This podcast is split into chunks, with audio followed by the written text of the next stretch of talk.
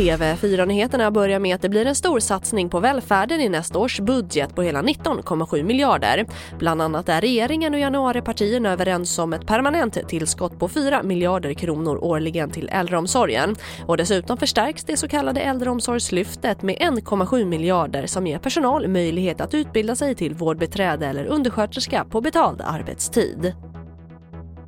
Och polischefen Mats Lövings uttalande om klankriminalitet, att det finns familjer som fostrar sina barn in i kriminaliteten, får stöd från en av Sveriges främsta experter på klanbegreppet, författaren Per Brinkemo som pekar på att ett parallellt rättssystem växer fram där man inte längre går till polis eller domstol för att klara ut brott. Man eh, har en, en, en äldste då, en, en äldre man som löser konflikten och där straffas man inte utan där betalar man blodspengar. Och författaren Karl-Henning Wikmark har avlidit 84 år gammal, det meddelade förlaget Nordstedts till TT.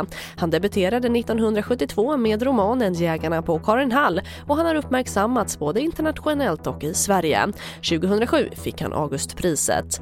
Och det får avsluta TV4-nyheterna. Jag heter Charlotte Hemgren.